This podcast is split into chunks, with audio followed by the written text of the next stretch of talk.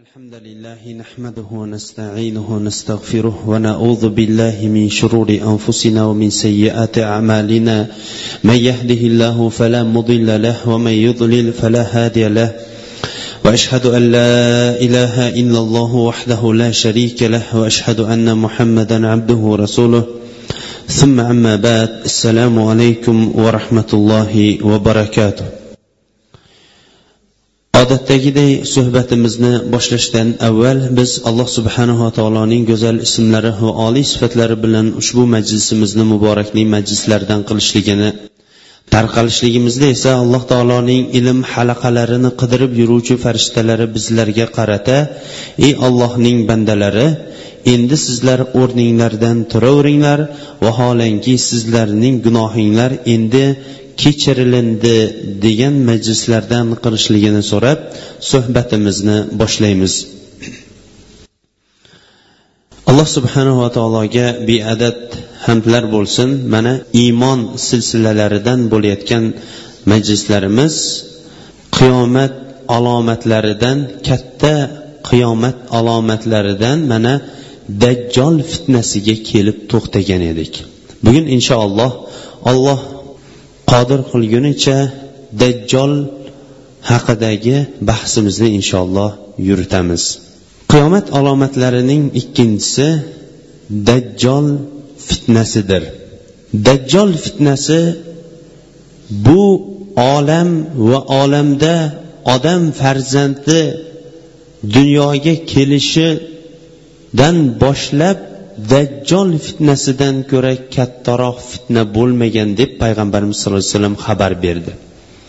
Imom muslim fitnalar kitobida zikr qilgan hadisda payg'ambarimiz sollallohu alayhi vasallam ma bayna xalqi adam ila qiyami saa amrun akbaru minad dajjal. Odam yaratilganidan boshlab to qiyomat qoyim bo'lgunicha dajjolning fitnasidan ko'ra buyukroq ish yo'qdir dedi.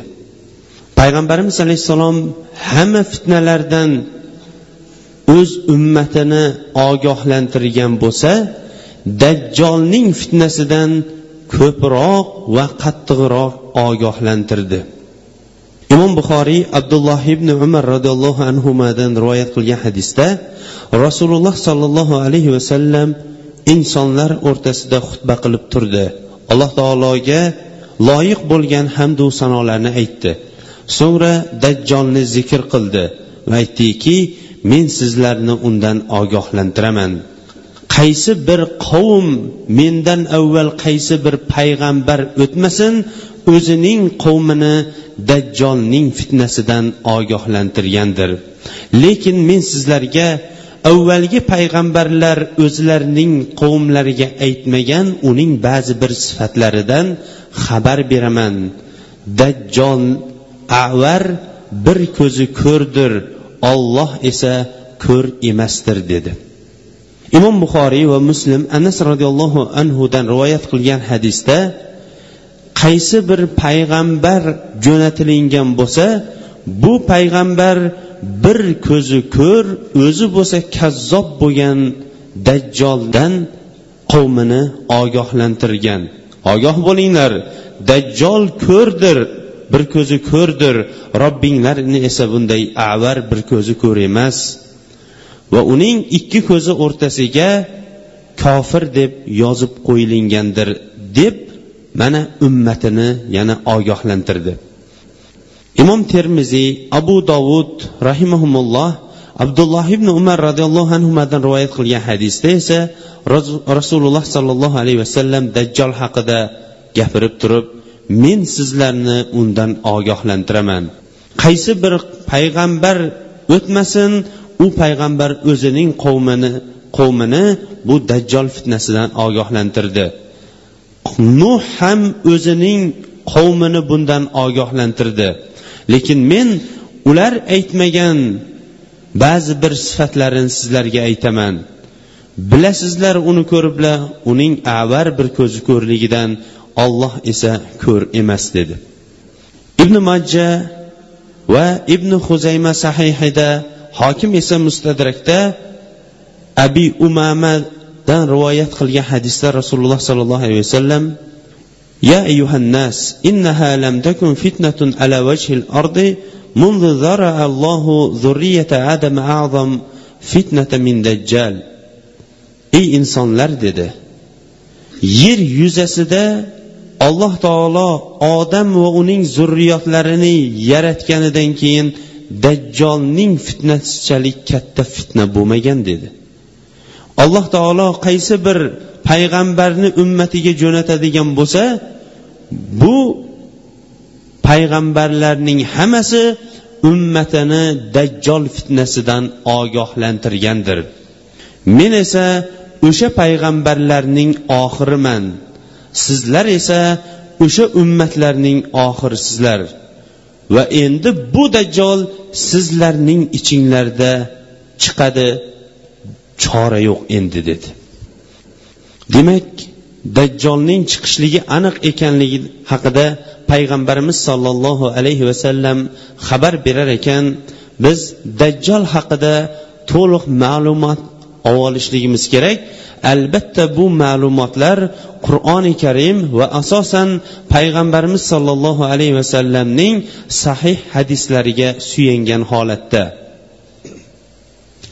Lekin dajjolning nima uchun masihud dajjol deb nomlanishlik sirini ham avval to'xtab tushuntirib o'tsak? Ibn asir rahimaulloh aytadiki dajjol masih deb nomlanildi chunki uning bir ko'zi o'zi surkalib qo'yilgan dedi. Xuddi qo'l bilan surkalib bir ko'zi bekitilib qo'yilganga o'xshash mamsuh bima'na maf'ul ya'ni boshqa tomondan surkalib qo'yilgan bo'lganligi uchun masih deb nomlandi.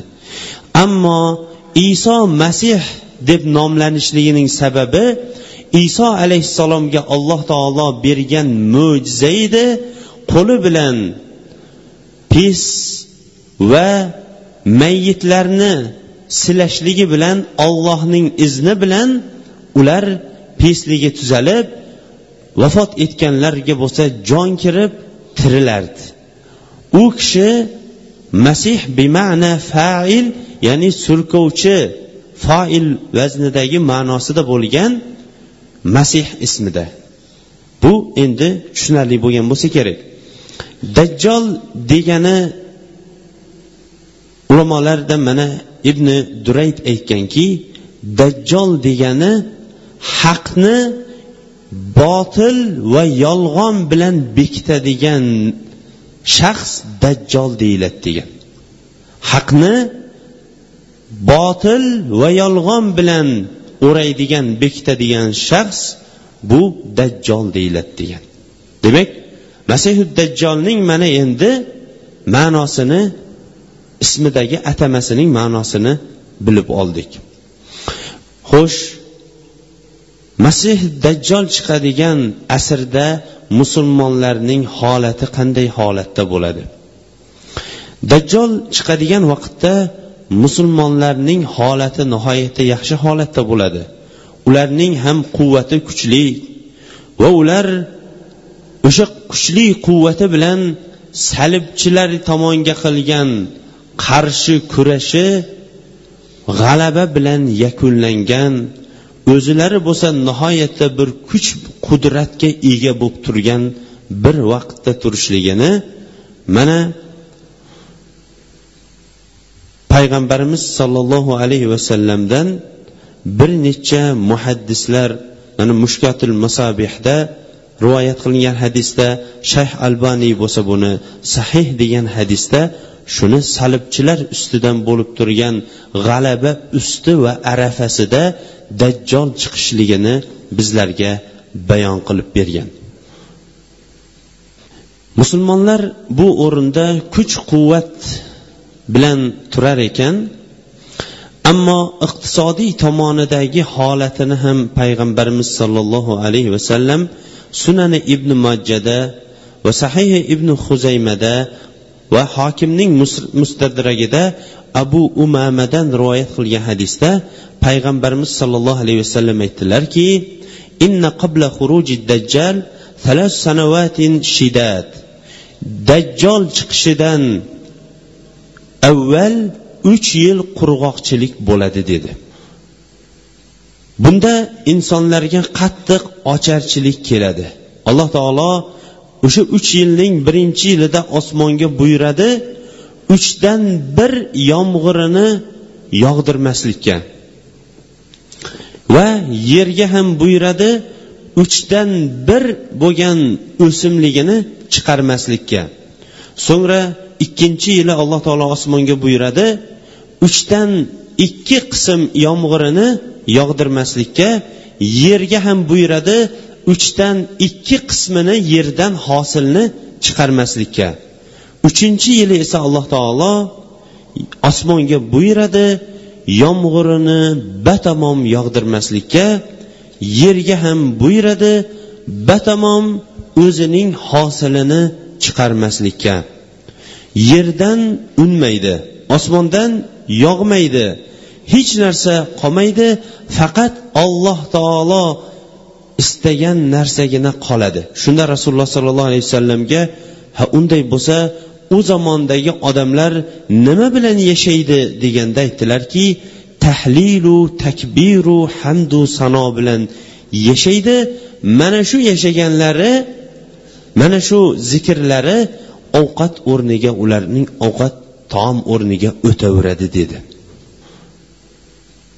Demak bu dajjol chiqishidan avvalgi insonlarning ham iqtisodiy ham ma'naviy kuchlarining holatini ham mana payg'ambarimiz sollallohu alayhi vasallam bizlarga xabarini bergan ekan.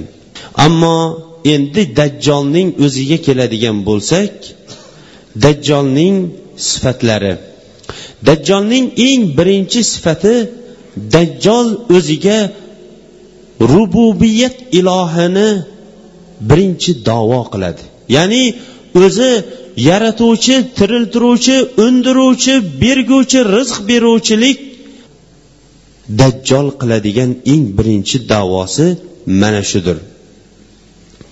Payg'ambarimiz sollallohu alayhi vasallam abu dovud o'zining sahih isnodi bilan imron ibn husayn roziyallohu anhudan rivoyat qilgan hadisda kim dajjolni eshitadigan bo'lsa undan qochsin dedi.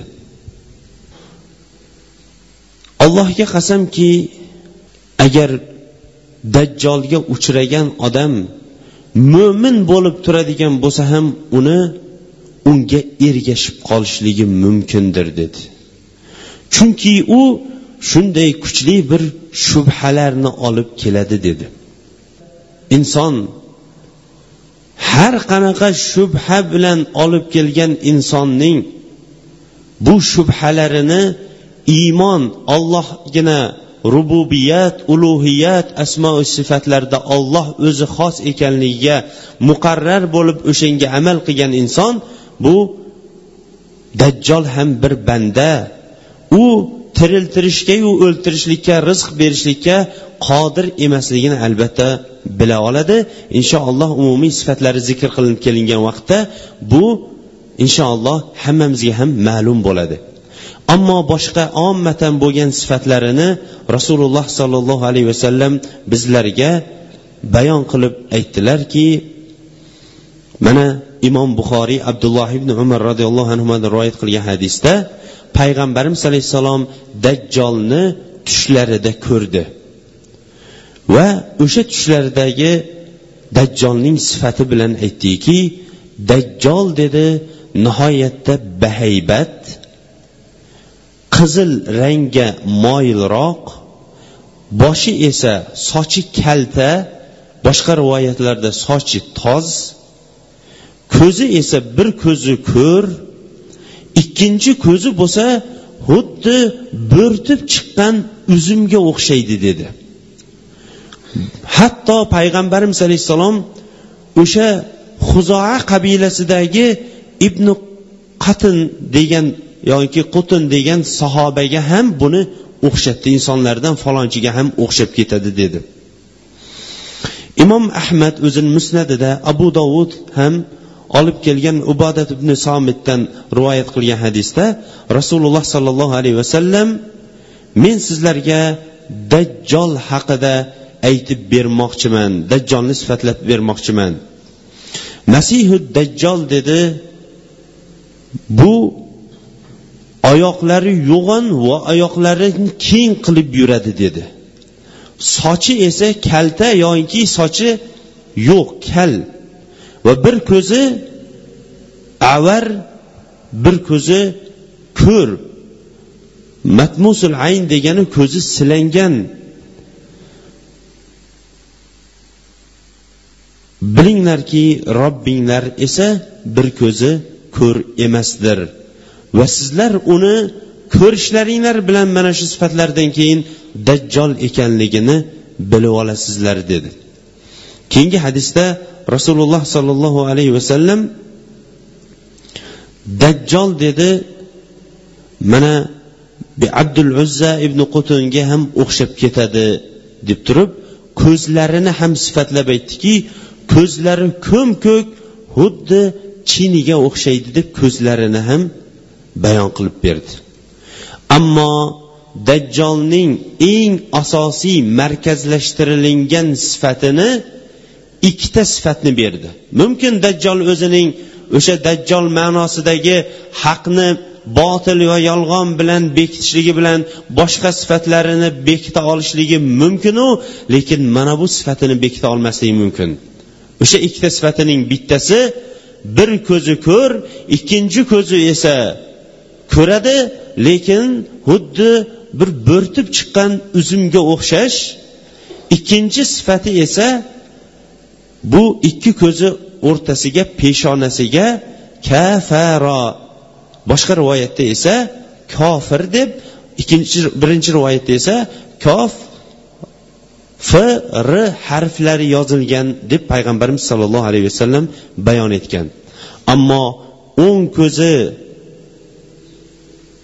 ko'rmi chap ko'zi ko'rmi degan savolga ulamolar butun hadislarni jamlab turib ko'proq va sahihroq va qo'llanadigan kuchda quvvatliroq bo'lgan hadislar o'ng ko'zi ko'r ekanligini bizlarga bayon etib bergan. Imom buxoriy anas roziyallohu anhudan rivoyat qilgan hadisda payg'ambarimiz sollallohu alayhi vasallam alloh taolo qaysi bir payg'ambarni o'z ummatiga jo'natgan bo'lsa bir ko'zi ko'r bo'lgan kazzob dajjoldan xabarini berib ogohlantirdi. Ogoh bo'linglarki uning bir ko'zi ko'rdir. Robbinglarning esa bir ko'zi ko'r emas va uning ikki ko'zining o'rtasiga kofir deb yozib qo'yilingan degan. Keyingi hadisda bu kofir deb yozib qo'yilganni mo'min yozish chizishni bilgan ham bilmagan mo'min ham buni bilaveradi dedilar. Bu hadisni bo'lsa mana sahih isnod bilan imom hokim mustadrakida va ibn mojja ham sunanlarida ibn huzayma ham olib kelgan. Dajjolning sifatlaridan yana bittasi dajjolning farzandlari bo'lmaydi. Payg'ambarimiz sollallohu alayhi vasallam imom muslim rivoyat qilgan hadisda aqimun la yuladu lahu dedilar. Ya'ni bepusht undan farzand bo'lmaydi dedi. Mumkin uylanishligi lekin undan farzand bo'lmaydi. Dajjolning o'zini ilohligini davo qilgani botil ekanligiga ba'zi bir hujjatlar keltirilganda mana imom muslim rivoyat qilgan hadisda payg'ambarimiz sollallohu alayhi vasallam aytdilarki sizlar robbinglarni vafot etmaguninglarcha ko'rmaysizlar dedi. Demak dunyoda modomiki hatto muso alayhissalom ham alloh taoloning jamolini ko'rishlikka bir harakat qilib hatto so'ragan ekan ko'rolmagan ekan bu bandalar bo'lib ham oxir zamon ummati alloh taoloni ko'ra olmaydi. Bu qat'iy mo'minlar uchun bo'lgan qat'iy bir hujjat bo'lmoqligi kerak. Dajjol esa chiqib o'zining iloh ekanligini davo qiladi. Dajjol esa insonlarga ko'rinadi bu dajjol iloh emasligining yaqqol dalilining birinchisi bo'ladigan bo'lsa ikkinchisi dajjol yeydi ichadi yeb ichgandan keyin bu yeb ichishlikka muhtoj vaholanki alloh subhanahu va taolo biron bir narsaga muhtoj emas balki hamma narsa alloh taoloning o'ziga muhtoj. Yeb ichgan narsa endi bu yeb ichgan narsasini chiqarishlikka ham ba'zan ehtiyoji kuchayib qoladi. Alloh taolo esa bunday nopok narsalardan pokdir. Xo'sh dajjolga dajjol fitna qilishlik uchun berilingan ba'zi bir imkoniyatlar haqida ham bu bayon qilib berilmoqligi kerak. Alloh subhanava taolo bandalarini imtihon qilib mana shunday bir og'ir imtihonlarni beradiki bu imtihonlarda faqatgina iymon bilangina sobit turgan odamlargina najot topib qolmaydigan bo'lsa ko'p insonlar bu imtihonlardan najot topa olmaydi. Dajjolga berilingan imkoniyatlarning fitnaga sabab bo'ladigan imkoniyatlarning birinchisi yer yuzini tez kunda aylanib chiqadi.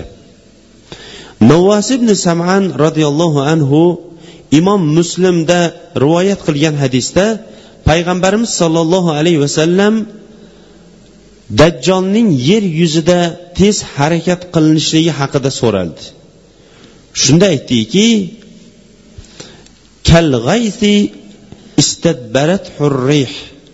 xuddi shamol haydab ketayotgan bulutga o'xshaydi deydi.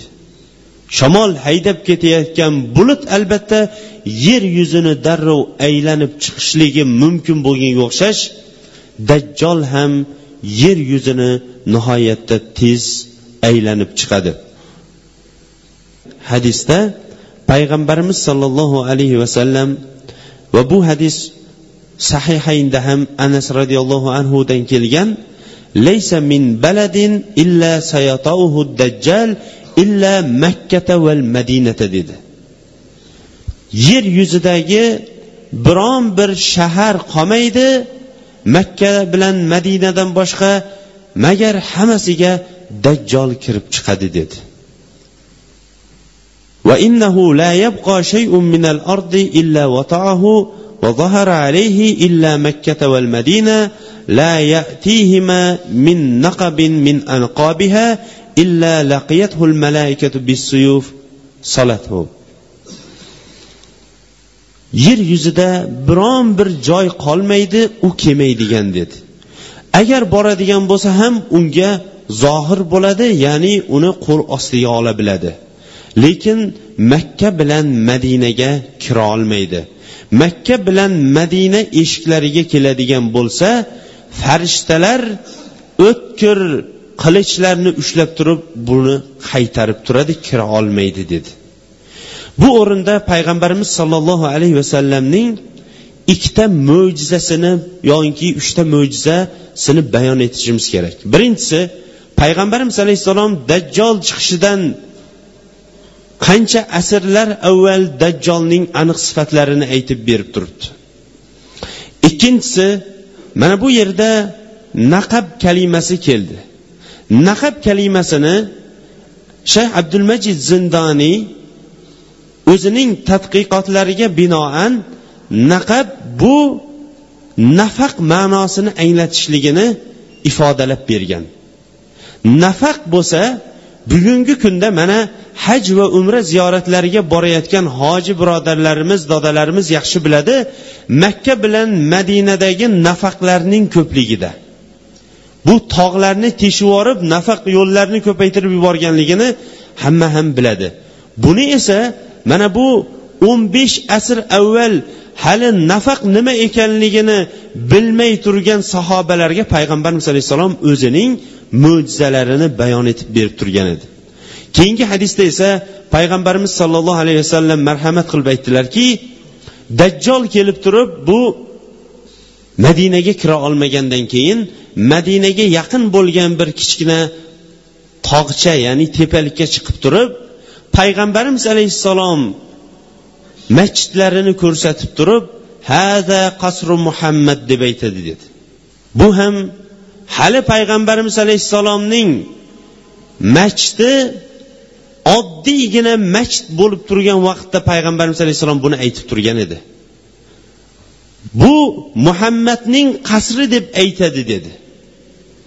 Hozirgi kunda payg'ambarimiz sollallohu alayhi vasallamning masjidlari qayta ishlanganliklari va kundan kunga u yerga yangi yangi rivojlangan bu aslihalar sababli rivojlanayotgan bu masjid shahar tashqarisidan kechasiyu kunduzi bir xil ko'rinib turishligi o'n besh asrdan keyin bo'ldi. Ammo bu voqeani bo'lsa o'n besh asr avval payg'ambarimiz alayhissalom qo'rqmasdan aytib turar edi. Ana undan keyin dajjolga berilingan yana fitnalardan bittasi dajjol uchun jannati bilan do'zaxi beriladi. E'tibor bering o'zining jannati va o'zining do'zaxi.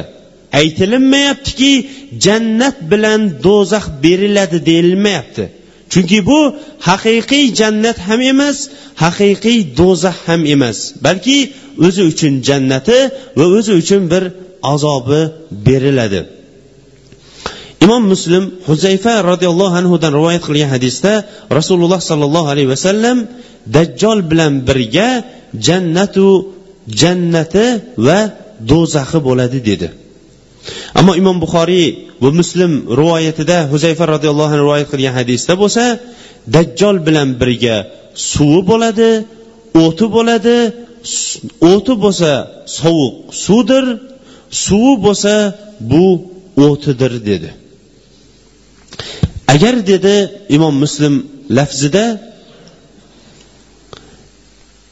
agar u ko'zga ko'rinadigan bo'lsa o'ti alanga olib turganday bo'ladi dedi. Doim bu o'zining do'zaxi bilan jannati o'zi bilan birga yuradi. Agar sizlarning birontangiz shuni topib qoladigan bo'lsa o't deb ko'rilayotganiga kirsin va ko'zini yumib kirsin va bosib kiraversin va undan ichaversin chunki u sovuq suvdir dedi. Bu bilan ma'lum bo'ladiki bugungi kunda e, bu qanday endi o'ti bilan o'zining azobi bilan rohati o'zi bilan birga yurar ekan degan kalimani aslida bugungi kunda hech kim tushunmaydigan holat bo'lmaydigan bir vaqtda yashayapmiz. Chunki hozirgi vaqtdagi yolg'onchi bu dajjolchalar o'zlari bilan olib yurgan ko'p narsalarni insonlarning ko'zlarini sehrlab turib oqni qora qorani oq suvni esa bir cho'l qilib ko'rsatib turgan bir vaqtda yashab turibmiz. Dajjol ham xuddi mana shunga o'xshash oqni qora qorani oq qilib turib o'tni suvni esa insonlarga bu o'tni bo'lsa insonlarga asli sovuq suv bo'lgan narsani o't qilib ko'rsatishligi ham mana shundan bittasi. Uchinchi unga berilingan fitnaga sabab bo'ladigan narsa shaytonlardan yordam olishlik. Shaytonlardan yordam olishlik deganda bugungi kunda ikki uyning bittasi folbin bo'lib ketgan odamlar bundan ajablanmasligi kerak. Chunki haqni botil bilan bekitishlikning asosiy sabablarining bittasi bu shaytonlardan madad so'rab shaytonlardan yordam olishligidir.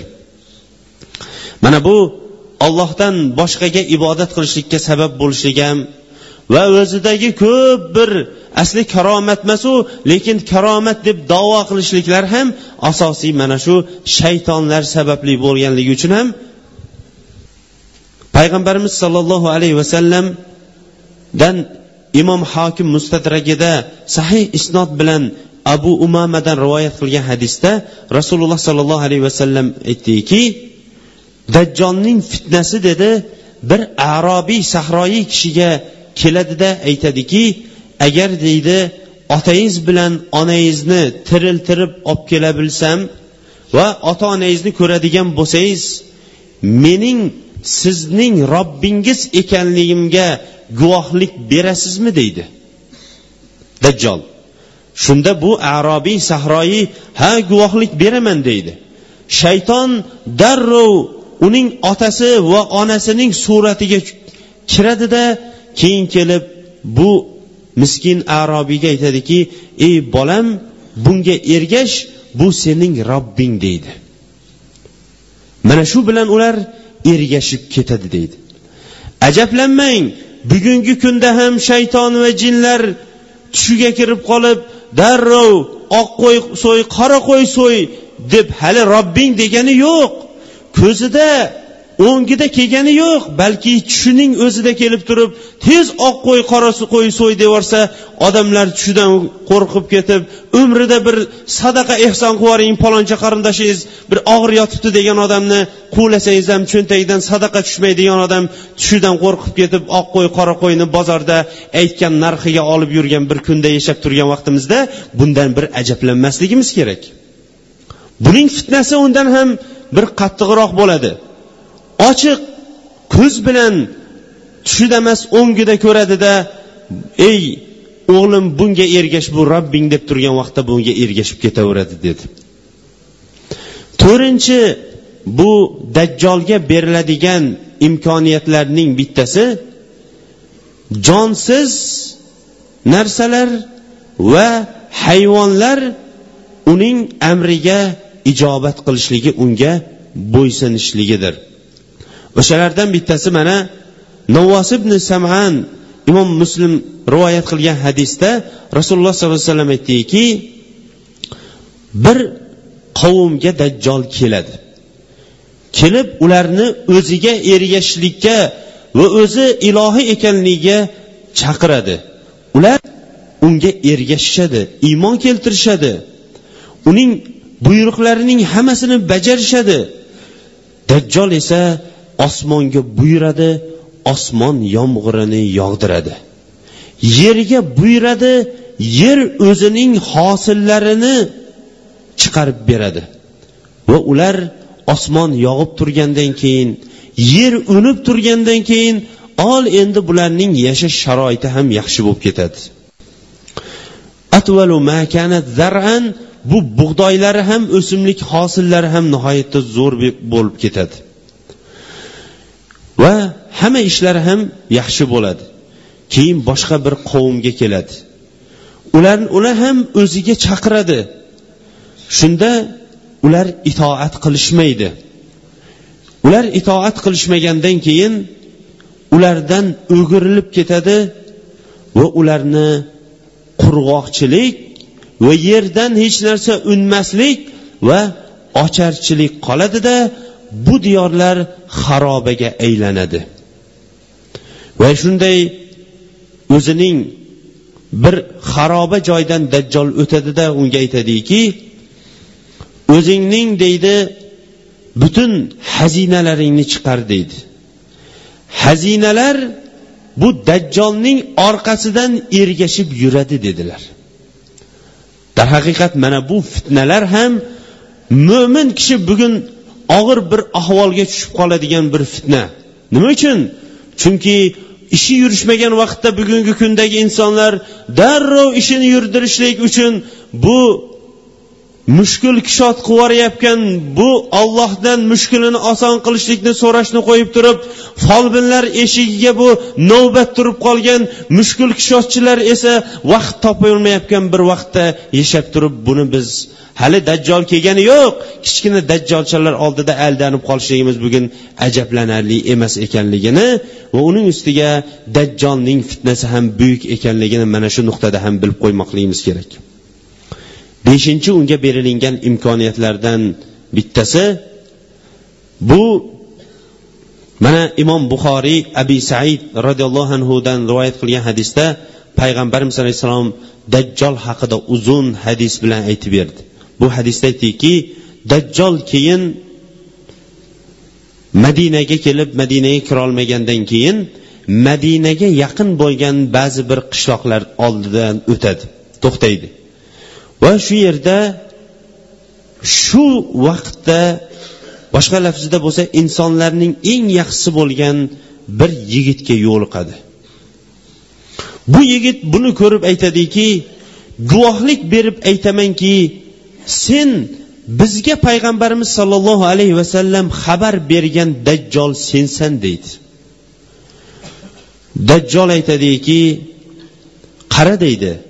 Agar seni o'ltirsam keyin yana tiriltirsam men olib kelgan yo'lda meni ishimda shubhalanasanmi deydi. Bu yo'q deydi. O'ltiradi yigitni keyin allohning izni bilan tiriltiradi.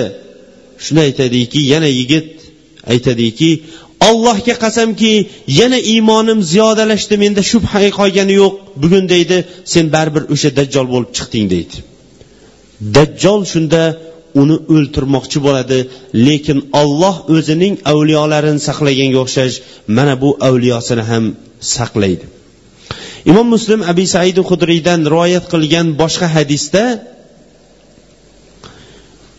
dajjol chiqadi keyin mo'minlar bilan turgan u ba'zilari bilan to'qnashishlik ba'zilar bilan ergashishlik bo'lib turgan vaqtda bir kishi qasd qilib dajjolning oldiga chiqadi. Shunda unga ergashib ketganlarning bittasi qayoqqa ketyapsan? deydi. Aytadiki mana bu chiqqan dajjolning oldiga ketyapman deydi. Hali sen deydi ergashib ketganlar robbimizga iymon keltirmadingmi? deydi. Ya'ni dajjolni qasd qilib aytyapti. Bu deydi biz uchun rob emas deydi haligi yigit. Bular aytadiki o'ltiringlar desa ba'zilar aytadiki axir biz uning buyrug'isiz dajjolning buyrug'isiz o'ltirib yuborishlikdan qaytarilganmiz u deydida yigitni ushlashib dajjolning oldiga boradi. Yigit dajjolni ko'rishligi bilan aytadiki ey insonlar bu masihu dajjol payg'ambarimiz alayhissalom bundan xabar bergan edi deydi. Dajjol uni shu urishligi bilan ikkiga bo'lib yuboradi. Bu tepa qismi bilan past qismi ikkiga bir zarba bilan ikkiga qilish bilan bo'linib bo'ladi. Keyin buyuradi bu ikkovi qo'shiladi yana qayta tiriladi. Endi menga iymon keltirasanmi deydi dajjol buni ko'rsatib. Shunda haligi yigit iymonda sobit turib aytadiki sen masihul kazzob o'sha kazzob yolg'onchi bo'lgan dajjol sensan deydi.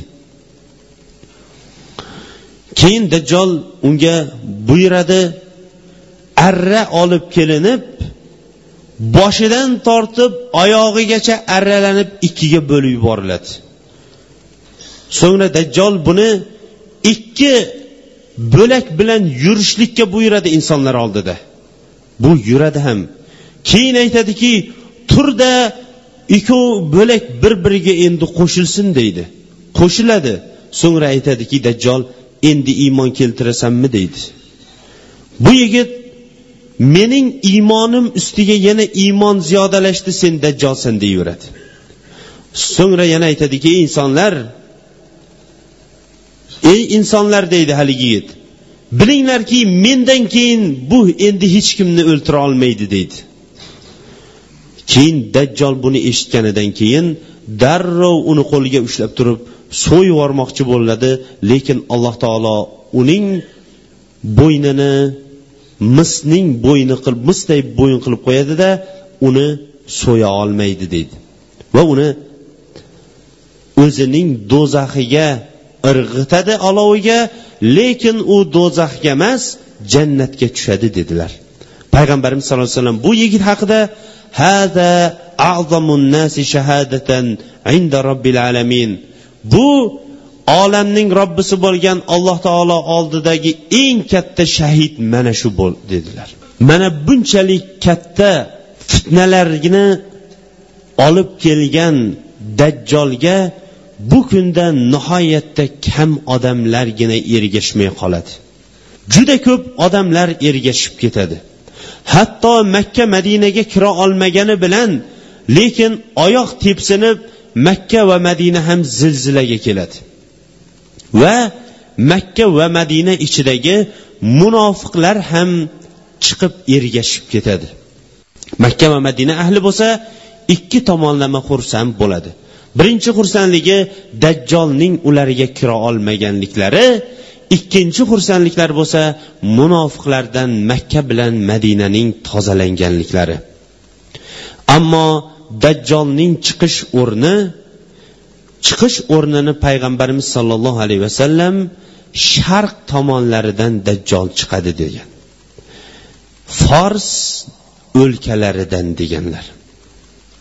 Imomi termiziy ibn majja hokim va ahmad va boshqalar rahimahumulloh abu bakr siddiq roziyallohu anhudan rivoyat qilgan hadisda قال حدثنا رسول الله صلى الله عليه وسلم إن الدجال يخرج من أرض من أرض بالشرق يقال له خراسان يتبعه أقوام كأن وجوههم المجان المترقة dajjol dedi sharq diyorlaridan chiqadi bu chiqadigan shahar xuroson deb nomlaniladi dedi bunga dedi betlari keng bo'lgan odamlar uning orqasidan ergashib ketadi dedi. Xuroson degan kalima sahobalar hali ular yetti uxlab tushida ko'rmagan tushiga kirmagan vaqtda payg'ambarimiz alayhissalom xuroson haqida xabar berib turardi. Buning buning chiqishligi mana shu o'rinlardan bo'lgan bilan lekin zohir bo'lishligi bo'lsa iroq bilan shom o'rtalarida bo'ladi deydi imom muslim navvas ibn saman roziyallohu anhudan ko'targan hadisida bu shom bilan iroq o'rtasida shimol tomon chap va o'ng tomonlarida o'zining ishlarini boshlaydi degan. Ammo dajjolning yerda yashashlik muddati haqida sahobalar ham payg'ambarimiz sollallohu alayhi vasallamdan mana navvos ibn samandan abu dovud o'zining sunanlarida va muslim ham chiqargan hadisda so'raganlarida dajjol dedilar ma lubsuhu fi dajjal dajjolning yerda qancha vaqt dajjol turadi? dedi. Qola arbauna yawman yawmun kasanatin va yawmin ka shahrin va yawmin ka jum'atin va sairu ayyamihi ka ayyamikum aytdilarki yerda dajjol qancha vaqt bo'ladi dedi. Dajjolning bu fitnalarini eshitgan sahobalar dajjolning fitnasidan endi qanchalik bo'lar ekan? degan tashvishga tushib qoldi. Chunki mo'min kishining odati fitnalardan qochishlik va tish tirnog'i bilan bo'lsa ham harakat qilib fitna har qanaqa fitnadan xoli bo'lishlik. Bu olloh o'zi saqlasin dajjol fitnasiniyu endi qo'yavering. Shunda rasululloh sollallohu alayhi vasallam qirq kun turadi dedi. Birinchi kuni bir yilday ikkinchi kuni bo'lsa bir oyday uchinchi kuni bo'lsa bir haftaday boshqa kunlari bo'lsa sizlarning mana shu kunlaringlarga o'xshash muddatni o'z ichiga oladi dedi. Shunda sahobalar ha shunaqa ekanda deb qo'yolgani yo'q balki savolida davom etishib aytdiki ya rasululloh dedi agar bir kuni bir yilga to'g'ri keladigan bo'lsa shu bir kunlik namozni o'qib qo'yamizmi shu kunda? Yoyinki ko'proq o'qiymizmi dedi. Payg'ambarimiz sallallohu alayhi vasallam yo'q buni kunlarga bo'lib vaqtlariga bo'lib turib taqdirlab turib soatiga taqdirlab turib o'qiyverasizlar dedi. Mana bu hadisdan oladigan foydalarimizning bittasi alloh subhanahu va taoloning qudrati.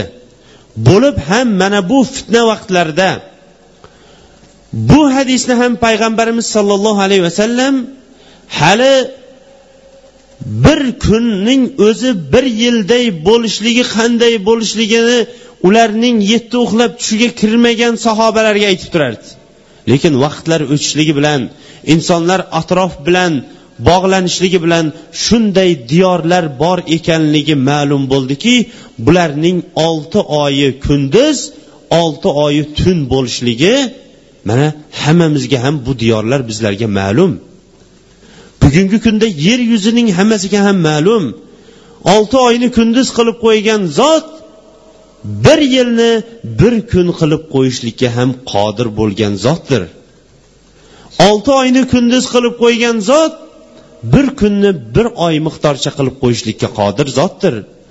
Olti oyni kunduz qilib qo'ygan olti oyni esa kecha qilib qo'ygan zotga bir oyni bir kunlik bir haftani bir kunlik qilishlik albatta yengilroqdir. Keyingi oladigan foydalarimiz sahobalarning namozga bo'lgan hirsi. Aytmadiki o'sha kunim bo'ladigan bo'lsa nima bo'lardi bu uyqu masalasi nima ketadigan bo'ldi? Tijorat masalasi nima bo'ladigan bo'ldi? To'ylar to'xtab qoladigan bo'ldi. Degani yo'q balki ularning asosiy va muhim bo'lgan g'ami bu namoz edi. Namozni nima qilamiz dedi. Payg'ambarimiz alayhissalom javobi taqdirlanglar dedi. Mana bugungi kunda soatlar bilan taqdirlashlik ikkinchi taqdir o'lchami bo'lsa o'sha mana hozirgi kunda olti oy kecha olti oy kunduz bo'ladigan diyorlar o'ziga eng yaqin bo'lgan diyorning kecha va kunduzining almashishlik soatiga taqdirlab turib ular namozlarini o'qishadi. Mana shu bilan ham ular o'zlarining ibodatlarini taqdirlashar edi. Ammo dajjolga ergashadiganlar dajjol ergashadiganlarning asosiylari bular yahudlar. Imom ahmad usmon ibn abi as abil as roziyallohu anhudan rivoyat qilgan hadisda payg'ambarimiz sollallohu alayhi vasallam aktharu atba'i dajjal al yahudu va nisa dedilar. Dajjolga ergashganlar ichidagi eng ko'pi yahudlar bilan ayollar dedi. Yahudlar bilan ayollar dedi. Ajablanmaylik bugungi kunda ayollar bu eshiklarda folbinlarning eshiklarida bu navbatining oxiri ko'rinmay qolishliklari yoinki boshi og'risa ham tushi buzilsa ham darrov folbinga boraveradiganlar asosi bo'lgan bugungi kundagi ayollar ertangi kunda chiqadigan dajjolga ham ergashadiganlarning birinchilari o'sha ayollar bo'lishligi muqarrardir. يتبع الدجال من يهود أسبهان سبعون ألفا عليهم التياليسا imom muslim rivoyat qilgan anas ibn molikdan hadisda rasululloh sollallohu alayhi vasallam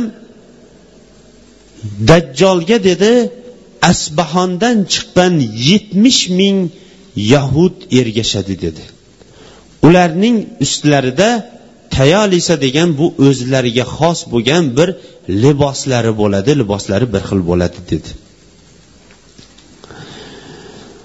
Abu naim o'zining tarix kitoblarining bittasida bugungi kunda ham asbahon shahrida yahudiya degan qishloq bor ekanligi buda yahudlar haligacha ham mana ayyub bin ning vaqtidagi mana mahdiy bin mansur al abbosiy ham zikr qilib keladi. O'sha davrgacha bu yahudiylar o'sha yerda yashab kelishligi mumkinki deyapti muallif asosiy ergashadiganlar dajjolning atbolari o'sha bo'lishliklari mumkin deb.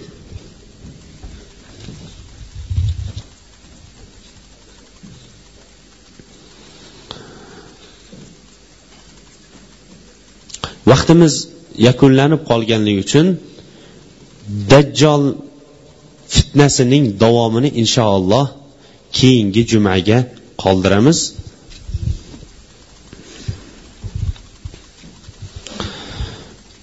Assalomu alaykum va rahmatullohi barakatuh. Va alaykum assalom va rahmatullohi barakatuh. Bir birodarimiz oilasida bir mushkul ish bo'lib qolgan edi. Ana o'shanga bir duo qilsangiz alloh o'zi najot bo'lsin inshaalloh duo qilamiz.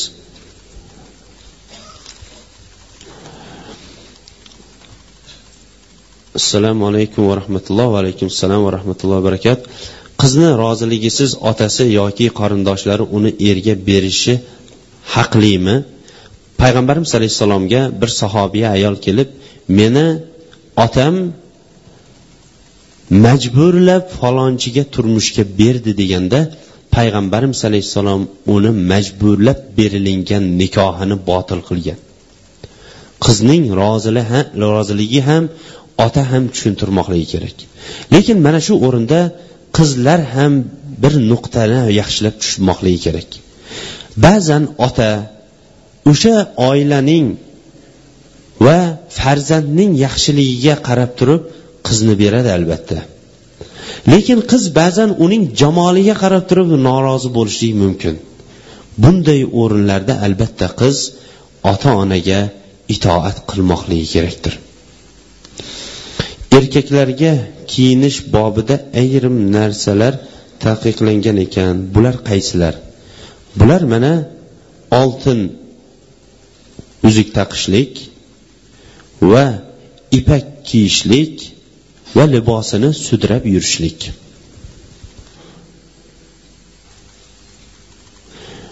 Xo'sh oyatdagi harflarni o'zini tushuntirib bersangiz alif lam mim. Bu harflar va bunga o'xshash suralardagi boshqa harflar muqattaa huruful muqattaa deyiladi. Ya'ni uzilingan harflar jumhur mufassirlar buning ma'nosini ollohning o'zi biladi lekin bu biz bu bobda bahs yuritmaymiz degan. Ammo ba'zilari esa bunga ba'zi bir tavillarni olib kelishgan. Mana alifga birinchisiga olloh lomga yana boshqa mimga yana shunga o'xshash e, payg'ambarimiz alayhissalom va shunga o'xshash ba'zi bir o'zlarining ishtihodlari bilan tavil qilishgan bunga asos yo'qligi. Xo'sh quyoshning tutilishini aytib bersangiz debdi.